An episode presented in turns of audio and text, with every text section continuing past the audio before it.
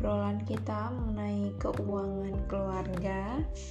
Uh, di segmen kali ini, di episode kali ini, aku akan ngobrolin tentang salah satu hal penting untuk menjaga agar keuangan keluarga kita tetap sehat, aman, dan terkendali nih, yaitu soal pondasi keuangan keluarga. Jadi, uh, selayaknya rumah, bangunan rumah yang kokoh itu kan adalah rumah yang memiliki pondasi yang kuat ya, sehingga bisa menopang bangunan di atasnya dan orang-orang di dalamnya nih.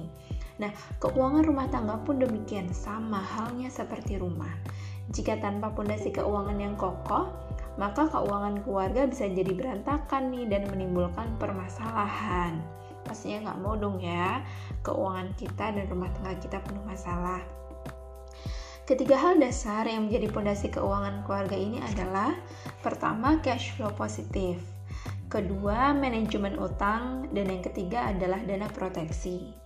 Nah, jika ketiga hal ini berantakan dan tidak sesuai dengan standar pondasi keuangan rumah tangga, maka risiko keuangan rumah tangga untuk bermasalah akan semakin besar loh teman-teman. Oke deh, tidak usah berpanjang lebar lagi, yuk kita bahas satu-satu tiga pondasi keuangan keluarga. Yang pertama adalah cash flow positif. Siapa nih di sini yang masih suka dikit-dikit besar pasak daripada tiang, alias pengeluarannya lebih besar daripada penghasilannya? Kalau sudah sampai begini, maka ini tanda bahaya nih bagi keuangan kamu. Hal yang perlu diperhatikan dalam membangun fondasi keuangan adalah memastikan jika penghasilan kita bisa memenuhi semua kebutuhan kita baik itu kebutuhan rutin maupun kebutuhan yang tidak rutin kita keluarkan. Nah, cash flow positif ini mencerminkan jika kita mampu memenuhi kebutuhan kita dan kecil kemungkinan kita akan terjerat dari yang namanya utang. Karena nih ya teman-teman, biasanya jika cash flow kita sering negatif, kebiasaan yang akan muncul adalah pertama, suka ngambilin tabungan dana darurat, ya kan? Lama-lama tabungannya habis. Yang kedua adalah suka meminjam uang, baik dari kartu kredit, pay letter, hingga fasilitas pinjaman online atau biasa yang kita kenal dengan pinjol ini nih adalah hal yang sangat berbahaya banget nih. Nah, jika ternyata selama ini kecenderungan cash flow rumah tangga kita adalah negatif, maka perlu ada dua hal yang teman-teman sesuaikan. Pertama adalah dengan menambah penghasilan. Okay? kedua adalah mengurangi pengeluaran. Tinggal dicocokin aja nih, kira-kira teman-teman lebih visible melakukan yang mana? Apakah menambah penghasilan atau menyesuaikan kebutuhan teman-teman, menyesuaikan gaya hidup teman-teman dengan mengurangi pengeluaran. Nah, maka pastikan terus ya teman-teman agar keuangan kita sehat, cash flow kita senantiasa positif. Oke, okay, hal yang kedua adalah manajemen utang uh, ini adalah menjadi harus menjadi hal yang harus menjadi perhatian khusus ya uh, dari teman-teman agar fondasi keuangan teman-teman ini tetap kokoh. Gitu. Jadi soal utang.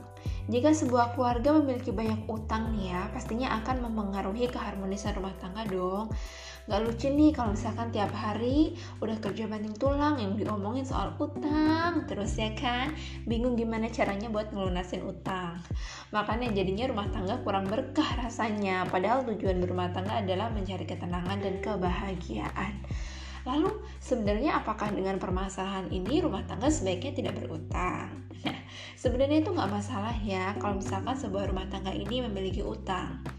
Namun yang harus kita pahami adalah rambu-rambu dalam berutangnya. Seperti bahas juga di episode kemarin mengenai rambu-rambu berutang, ya kan? Coba didengerin lagi episode yang kemarin. Oke. Jadi pertama nih teman-teman berutanglah untuk hal-hal yang produktif atau kita nyebutnya sebagai utang produktif. Di mana hal yang kita beli ini memiliki nilai produktif yang bisa menambah nilai aset kita, atau menambah produktivitas kita. Sebagai contoh nih, membeli rumah, berbisnis, membeli mobil agar lebih produktif kerja gitu. Jadi aset-aset yang kita kumpulkan dengan cara berutang tadi secara value memang memberikan uh, kenaikan nilai aset atau mungkin menambah pemasukan dari kita membuat kita semakin produktif lagi gitu. Nah, Contoh berbahaya ya, dari berutang ini adalah kalau kita memiliki utang konsumtif, yaitu utang yang tidak menambah nilai aset atau produktivitas kita. Contohnya seperti berutang untuk jalan-jalan nih, piknik ke luar negeri, atau untuk gonta-ganti HP dan lain sebagainya. Utang konsumtif ini ini nih hal-hal yang perlu kita hindari karena dia tidak menambahkan produktivitas maupun tidak menambahkan nilai aset. Nah, kedua cicilan kedua. Nah tadi kan pertama kita ngomongin tentang utang produktif dan utang konsumtif. Hal yang kedua harus kita perhatikan dalam berhutang adalah cicilan bulanan untuk utang yang kita miliki maksimal 30 sampai 35% dari penghasilan bulanan. Jika lebih dari itu, maka pondasi keuangan kita akan lebih mudah roboh nih. Dikarenakan kan kita kan masih punya banyak alokasi ya Bo kayak nggak cuma untuk cicilan doang tapi untuk kebutuhan sehari-hari pun kita masih punya banyak hal apalagi untuk tabungan masa depan jika misalnya rasio cicilan per bulan terlalu besar, maka nanti akan ada gangguan penghasilan nih. Oke, okay? kalau misalkan ada gangguan penghasilan, kita akan kesulitan untuk melunasi utang ini. Kayak misalkan kemarin kayak COVID terus tiba-tiba dapat diskon penghasilan 50% atau mungkin ada yang di PHK gitu kan.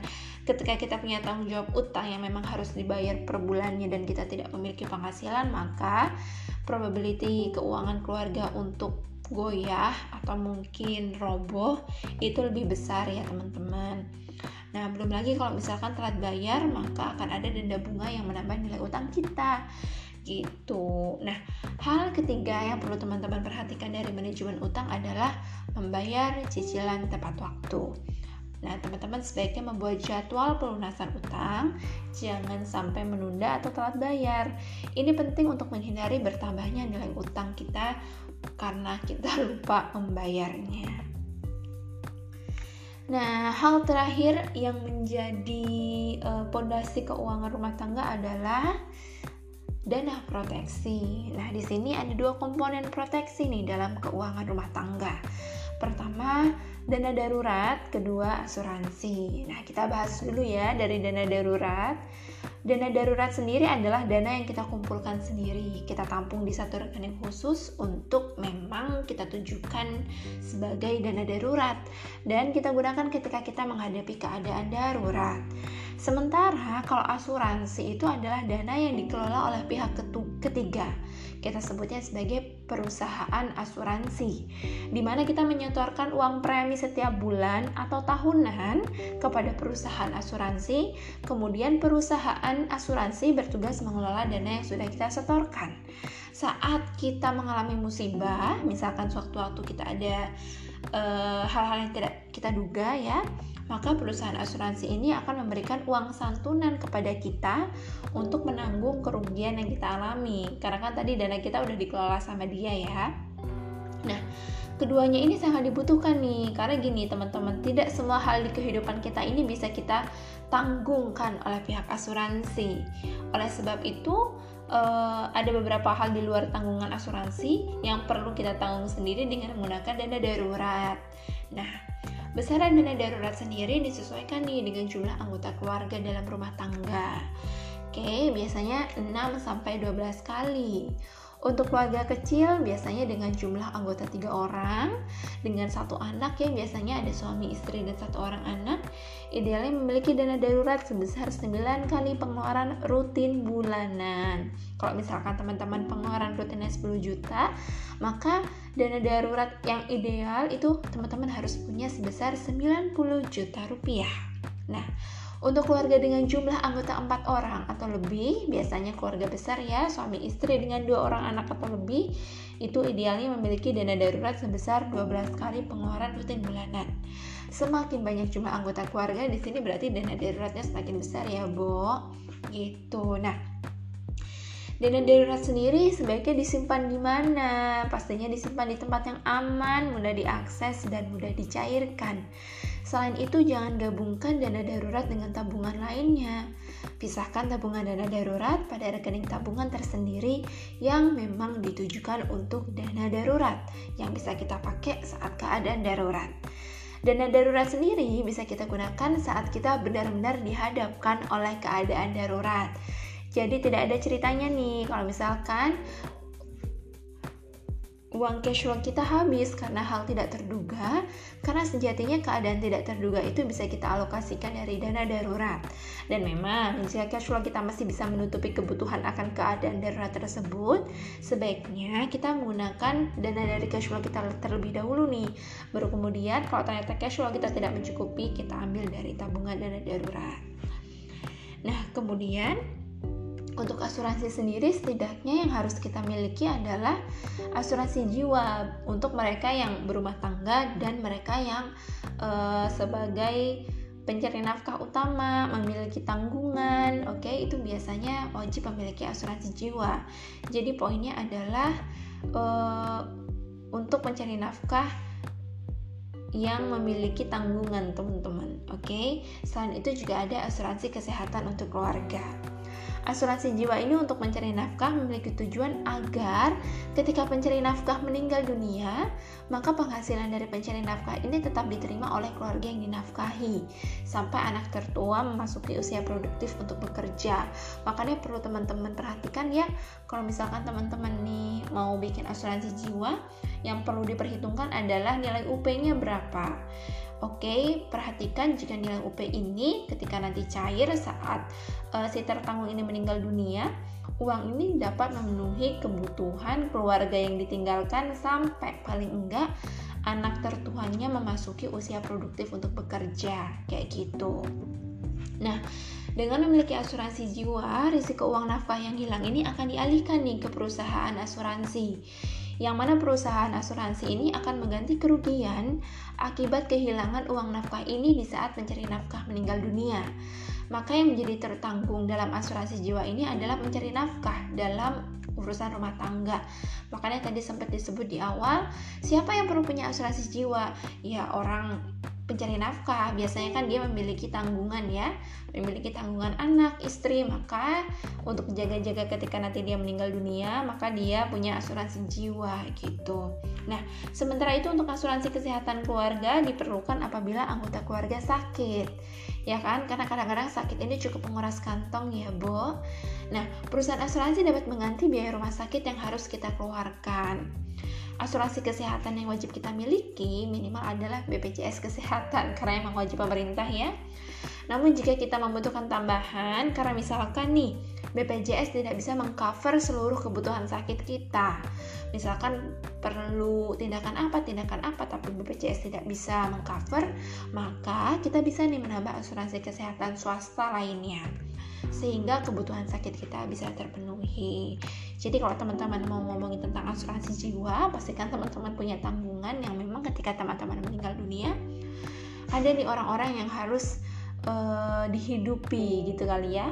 Kemudian untuk asuransi kesehatan sendiri perhatikan kebutuhan sakit teman-teman. Jangan sampai asuransi kesehatan ini malah cuman uh, buang-buang duit, tapi benar-benar disesuaikan dengan kebutuhan sakit teman-teman. Nah, itu dia tadi tiga pondasi keuangan rumah tangga yang semoga bisa bermanfaat buat teman-teman dan semakin membuat uh, keuangan rumah tangga teman-teman bermanfaat. Be keluarga teman-teman sehat, oke? Okay? Nah, uh, sampai di sini obrolan kita hari ini. Sampai ketemu di obrolan lainnya. Bye bye.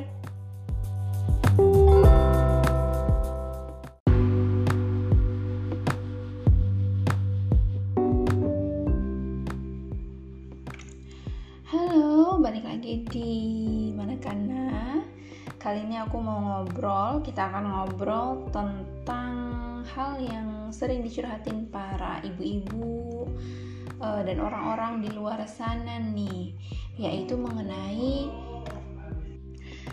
cara jitu menabung untuk masa depan. Nah teman-teman uh, teman -teman tuh biasanya aku suka dapat curhatan ya dari orang-orang kayak misalkan ah, aku tuh susah banget nih yang namanya nabung. Gimana ya biar aku bisa nabung? Karena biasanya suka ada hal-hal yang tidak terduga sehingga gaji aku habis deh. Jadi nggak ada sisa buat nabung. Nah ini sering banget nih dicurhatin orang-orang yang emang punya penghasilan yang mepet sesuai sama pengeluarannya.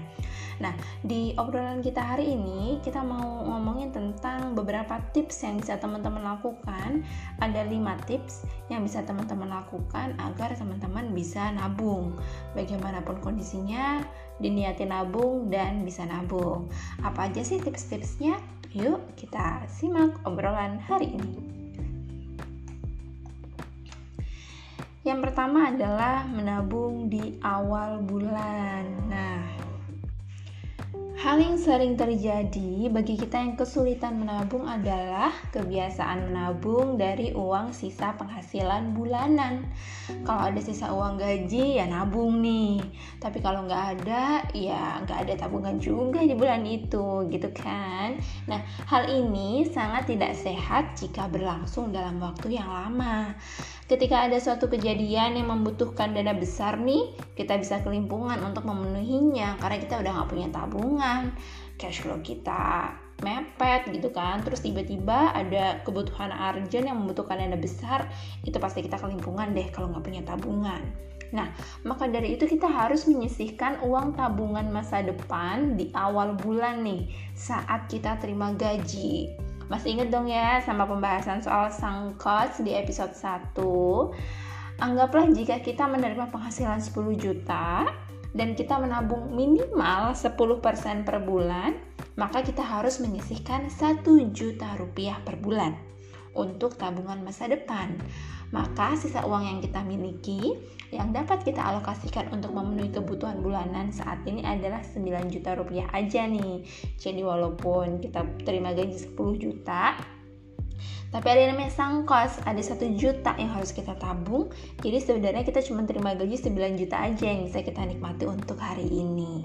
Nah, dengan kita menabung setiap awal bulan, kita nggak perlu khawatir lagi nih untuk menabung yang berujung tidak memiliki tabungan untuk masa depan. Ya kan, yang suka-suka nabung sisa-sisa penghasilan nih, silahkan ketika awal bulan terima gaji, saat pertama kali terima gaji, langsung alokasikan untuk tabungan. Jadi kita nggak perlu khawatir lagi untuk lupa menabung. Oke. Okay. Nah, yang tips kedua adalah menentukan tujuan menabung. Nah, ada juga nih hal yang paling sering terjadi di kita adalah kita lupa untuk menentukan tujuan dari menabung.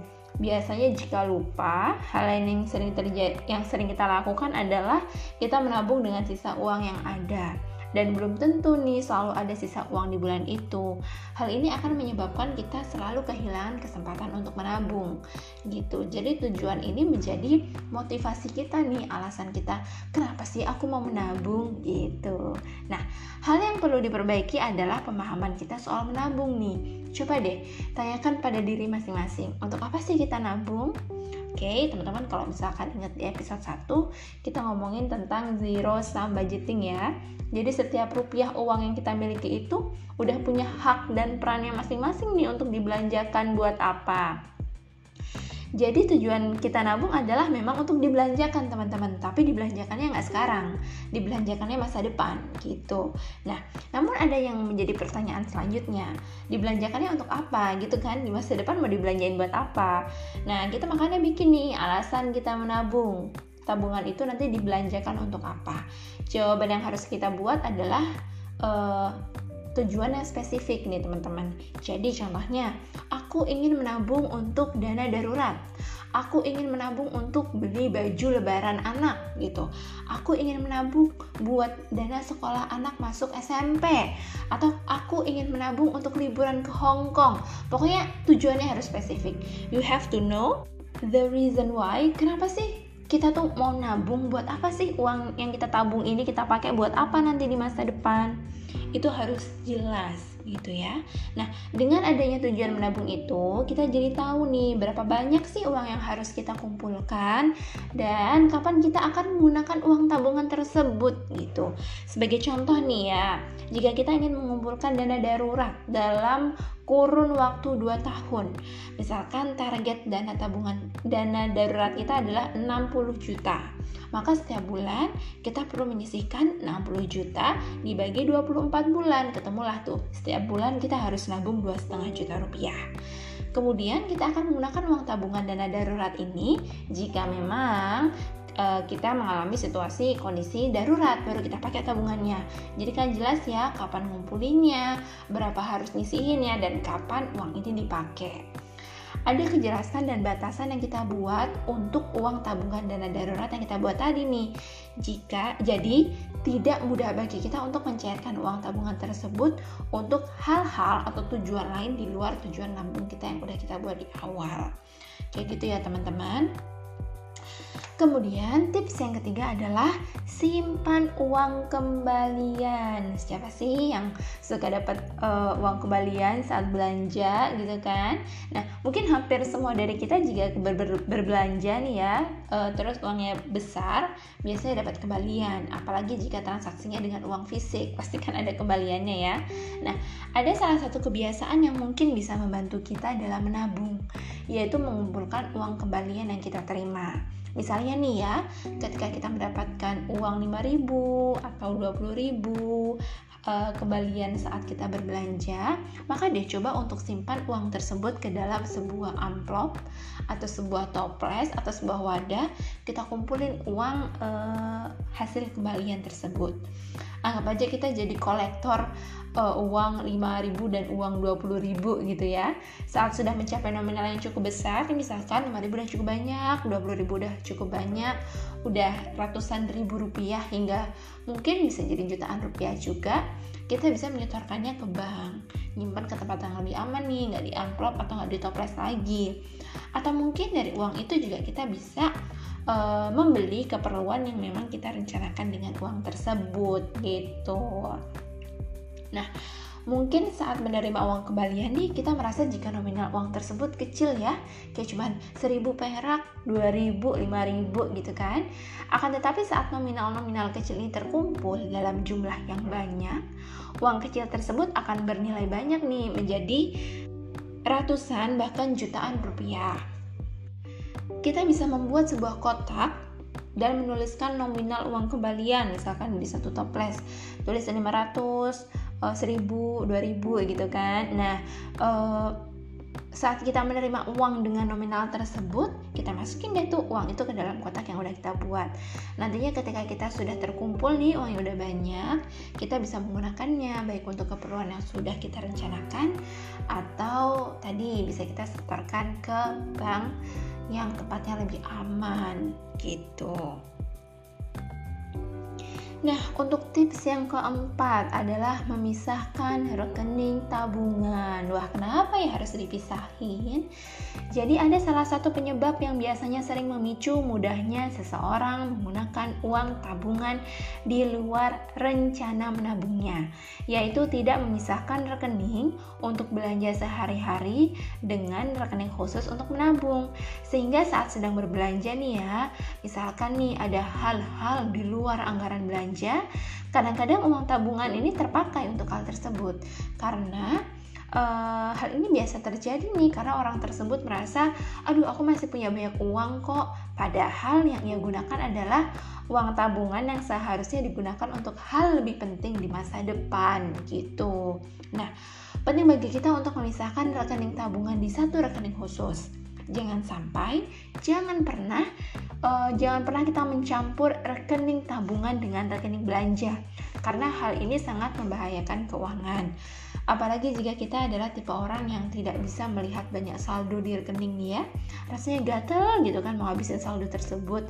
It's really a big no. Jadi alangkah lebih baik kalau misalkan teman-teman nih punya tabungan, pisahin deh tabungan yang kita miliki di satu rekening khusus dan menggunakannya memang untuk keperluan yang sudah kita rencanakan dengan tabungan tersebut. Ingat ya sama yang namanya tujuan keuangan dari menabung. Nah, tips yang terakhir nih yang gak kalah penting. kalau udah nabung terus gimana gitu kan nah jika kita sudah memiliki uh, kebiasaan menabung yang baik dan menemukan cara menabung yang sesuai dengan keinginan kita maka kini saatnya kita mengembangkan uang tabungan tersebut menjadi aset. Jadi tips yang kelima adalah mengubah tabungan yang tadinya receh-receh tadi nih ya menjadi aset. Sebagai contoh nih, jika kita sering mengumpulkan uang 20.000 lewat belanja, lewat kembalian uang belanja, terus misalkan udah terkumpul nih, udah jadi 2 juta rupiah, maka kita bisa mulai mengubah nih uang 2 juta ini yang tadinya lembaran 20.000 kembalian bisa kita ubah menjadi aset investasi. Nah, misalnya nih saat uang tersebut mencapai mencapai nominal 2 juta, kita bisa membeli reksadana, surat utang negara, sukuk, atau mungkin logam mulia. Jadi banyak banget eh, aset-aset uh, investasi yang eh, nggak uh, harus berpuluh-puluhan juta gitu kan stuck dari 2 juta aja teman-teman udah bisa dapetin reksadana bisa beli surat utang negara juga bisa dapat beli sukuk atau mungkin beli logam mulia nah sehingga uang tersebut akan memiliki nilai tambah nih dari imbal hasil di kemudian hari yang akan menambah nilai aset teman-teman gitu tentunya sesuaikan juga aset investasi yang teman-teman pilih sesuai dengan tujuan keuangan teman-teman ya agar teman-teman bisa mencapai tujuan keuangan dengan uang tabungan yang sudah kamu kumpulkan dengan lebih baik lagi. Nah, itu dia tadi obrolan kita tentang 5 tips cara jitu menabung agar teman-teman bisa nabung untuk masa depan. Uh, sampai jumpa ya di tips-tips lainnya atau di obrolan keuangan lainnya. See you, bye-bye.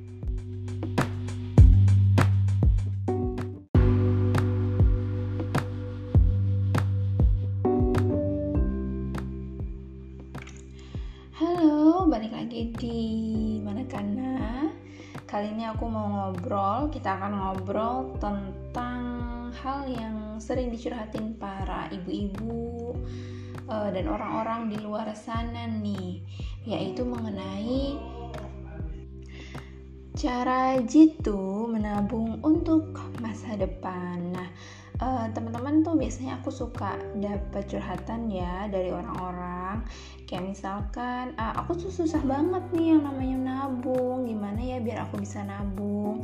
Karena biasanya suka ada hal-hal yang tidak terduga sehingga gaji aku habis deh. Jadi nggak ada sisa buat nabung. Nah ini sering banget nih dicurhatin orang-orang yang emang punya penghasilan yang mepet sesuai sama pengeluarannya. Nah di obrolan kita hari ini kita mau ngomongin tentang beberapa tips yang bisa teman-teman lakukan. Ada 5 tips yang bisa teman-teman lakukan agar teman-teman bisa nabung. Bagaimanapun kondisinya, diniatin nabung dan bisa nabung. Apa aja sih tips-tipsnya? Yuk kita simak obrolan hari ini. Yang pertama adalah menabung di awal bulan. Nah, Hal yang sering terjadi bagi kita yang kesulitan menabung adalah kebiasaan menabung dari uang sisa penghasilan bulanan. Kalau ada sisa uang gaji ya nabung nih, tapi kalau nggak ada ya nggak ada tabungan juga di bulan itu, gitu kan? Nah, hal ini sangat tidak sehat jika berlangsung dalam waktu yang lama. Ketika ada suatu kejadian yang membutuhkan dana besar nih, kita bisa kelimpungan untuk memenuhinya karena kita udah nggak punya tabungan, cash flow kita mepet gitu kan. Terus tiba-tiba ada kebutuhan urgent yang membutuhkan dana besar itu pasti kita kelimpungan deh kalau nggak punya tabungan. Nah maka dari itu kita harus menyisihkan uang tabungan masa depan di awal bulan nih saat kita terima gaji masih inget dong ya sama pembahasan soal sang coach di episode 1? Anggaplah jika kita menerima penghasilan 10 juta dan kita menabung minimal 10% per bulan, maka kita harus menyisihkan 1 juta rupiah per bulan untuk tabungan masa depan. Maka sisa uang yang kita miliki yang dapat kita alokasikan untuk memenuhi kebutuhan bulanan saat ini adalah 9 juta rupiah aja nih.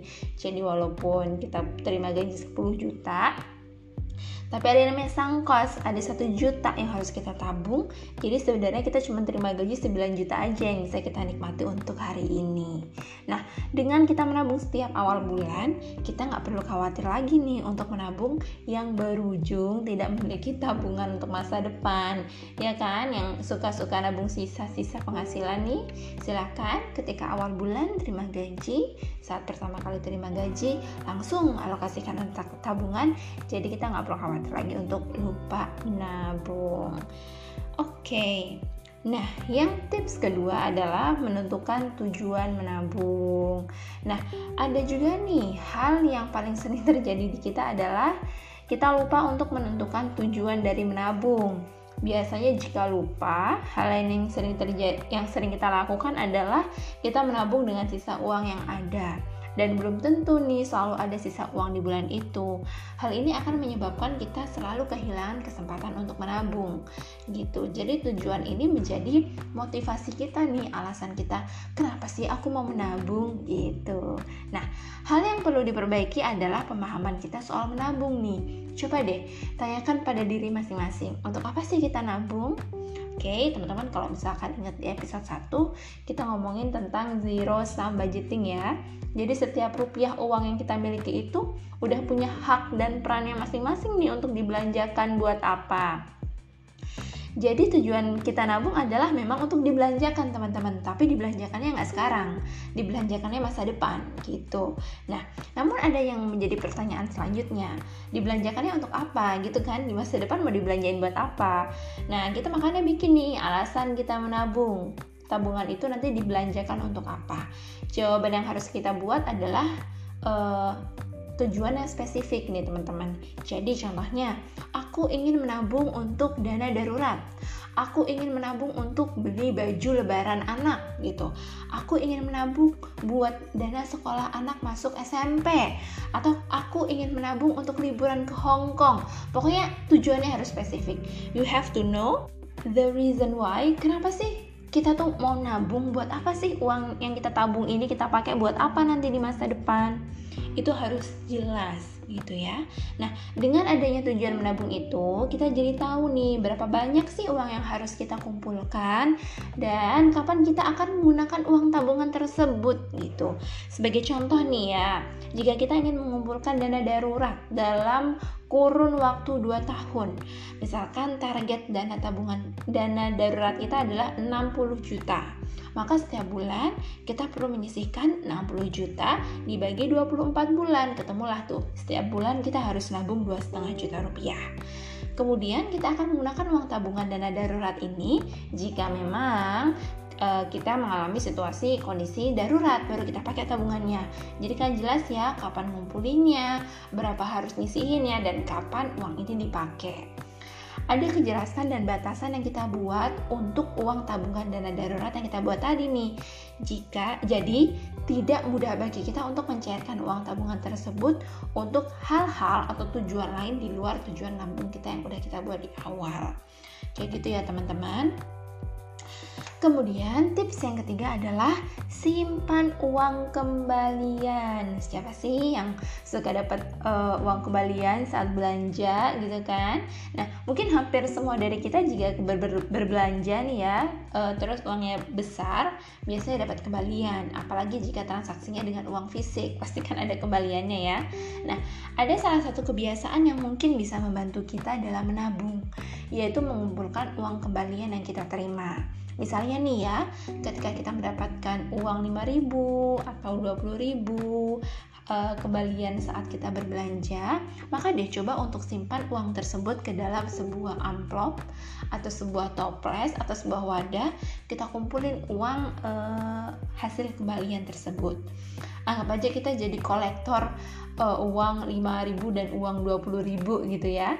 Saat sudah mencapai nominal yang cukup besar misalkan 5000 udah cukup banyak 20000 udah cukup banyak udah ratusan ribu rupiah hingga mungkin bisa jadi jutaan rupiah juga kita bisa menyetorkannya ke bank. Nyimpan ke tempat yang lebih aman nih nggak di amplop atau nggak di toples lagi. Atau mungkin dari uang itu juga kita bisa uh, membeli keperluan yang memang kita rencanakan dengan uang tersebut gitu Nah, Mungkin saat menerima uang kembalian nih kita merasa jika nominal uang tersebut kecil ya, kayak cuman 1000 perak, 2000, 5000 gitu kan. Akan tetapi saat nominal-nominal kecil ini terkumpul dalam jumlah yang banyak, uang kecil tersebut akan bernilai banyak nih menjadi ratusan bahkan jutaan rupiah. Kita bisa membuat sebuah kotak dan menuliskan nominal uang kembalian misalkan di satu toples tulis 500 uh, 1000 2000 gitu kan nah uh, saat kita menerima uang dengan nominal tersebut, kita masukin deh tuh uang itu ke dalam kotak yang udah kita buat. Nantinya ketika kita sudah terkumpul nih uang yang udah banyak, kita bisa menggunakannya baik untuk keperluan yang sudah kita rencanakan atau tadi bisa kita setorkan ke bank yang tepatnya lebih aman gitu. Nah, untuk tips yang keempat adalah memisahkan rekening tabungan. Wah, kenapa ya harus dipisahin? Jadi ada salah satu penyebab yang biasanya sering memicu mudahnya seseorang menggunakan uang tabungan di luar rencana menabungnya, yaitu tidak memisahkan rekening untuk belanja sehari-hari dengan rekening khusus untuk menabung. Sehingga saat sedang berbelanja nih ya, misalkan nih ada hal-hal di luar anggaran belanja belanja, kadang-kadang uang tabungan ini terpakai untuk hal tersebut karena uh, hal ini biasa terjadi nih karena orang tersebut merasa, aduh aku masih punya banyak uang kok. Padahal yang ia gunakan adalah uang tabungan yang seharusnya digunakan untuk hal lebih penting di masa depan gitu. Nah, penting bagi kita untuk memisahkan rekening tabungan di satu rekening khusus jangan sampai jangan pernah uh, jangan pernah kita mencampur rekening tabungan dengan rekening belanja. Karena hal ini sangat membahayakan keuangan. Apalagi jika kita adalah tipe orang yang tidak bisa melihat banyak saldo di rekening ya. Rasanya gatel gitu kan mau habisin saldo tersebut. It's a really a big no. Jadi alangkah lebih baik kalau misalkan teman-teman nih punya tabungan, pisahin deh tabungan yang kita miliki di satu rekening khusus dan menggunakannya memang untuk keperluan yang sudah kita rencanakan dengan tabungan tersebut. Ingat ya sama yang namanya tujuan keuangan dari menabung. Nah, tips yang terakhir nih yang nggak kalah penting. Kalau udah nabung, terus gimana gitu kan? Nah, jika kita sudah memiliki uh, kebiasaan menabung yang baik dan menemukan cara menabung yang sesuai dengan keinginan kita, maka kini saatnya kita mengembangkan uang tabungan tersebut menjadi aset. Jadi tips yang kelima adalah mengubah tabungan yang tadinya receh-receh tadi nih ya menjadi aset. Sebagai contoh nih, jika kita sering mengumpulkan uang 20.000 lewat belanja, lewat kembalian uang belanja, terus misalkan udah terkumpul nih, udah jadi 2 juta rupiah, maka kita bisa mulai mengubah nih uang 2 juta ini yang tadinya lembaran 20.000 kembalian bisa kita ubah menjadi aset investasi. Nah, misalnya nih saat uang tersebut mencapai mencapai nominal 2 juta, kita bisa membeli reksadana, surat utang negara, sukuk, atau mungkin logam mulia. Jadi banyak banget eh, aset-aset uh, investasi yang eh, nggak uh, harus berpuluh-puluhan juta gitu kan stuck dari 2 juta aja teman-teman udah bisa dapetin reksadana bisa beli surat utang negara juga bisa dapat beli sukuk atau mungkin beli logam mulia. Nah sehingga uang tersebut akan memiliki nilai tambah nih dari imbal hasil di kemudian hari yang akan menambah nilai aset teman-teman gitu. Tentunya sesuaikan juga aset investasi yang teman-teman pilih sesuai dengan tujuan keuangan teman-teman ya agar teman-teman bisa mencapai tujuan keuangan dengan uang tabungan yang sudah kamu kumpulkan dengan lebih baik lagi. Nah, itu dia tadi obrolan kita tentang 5 tips cara jitu menabung agar teman-teman bisa nabung untuk masa depan. Uh, sampai jumpa ya di tips-tips lainnya atau di obrolan keuangan lainnya. See you, bye-bye.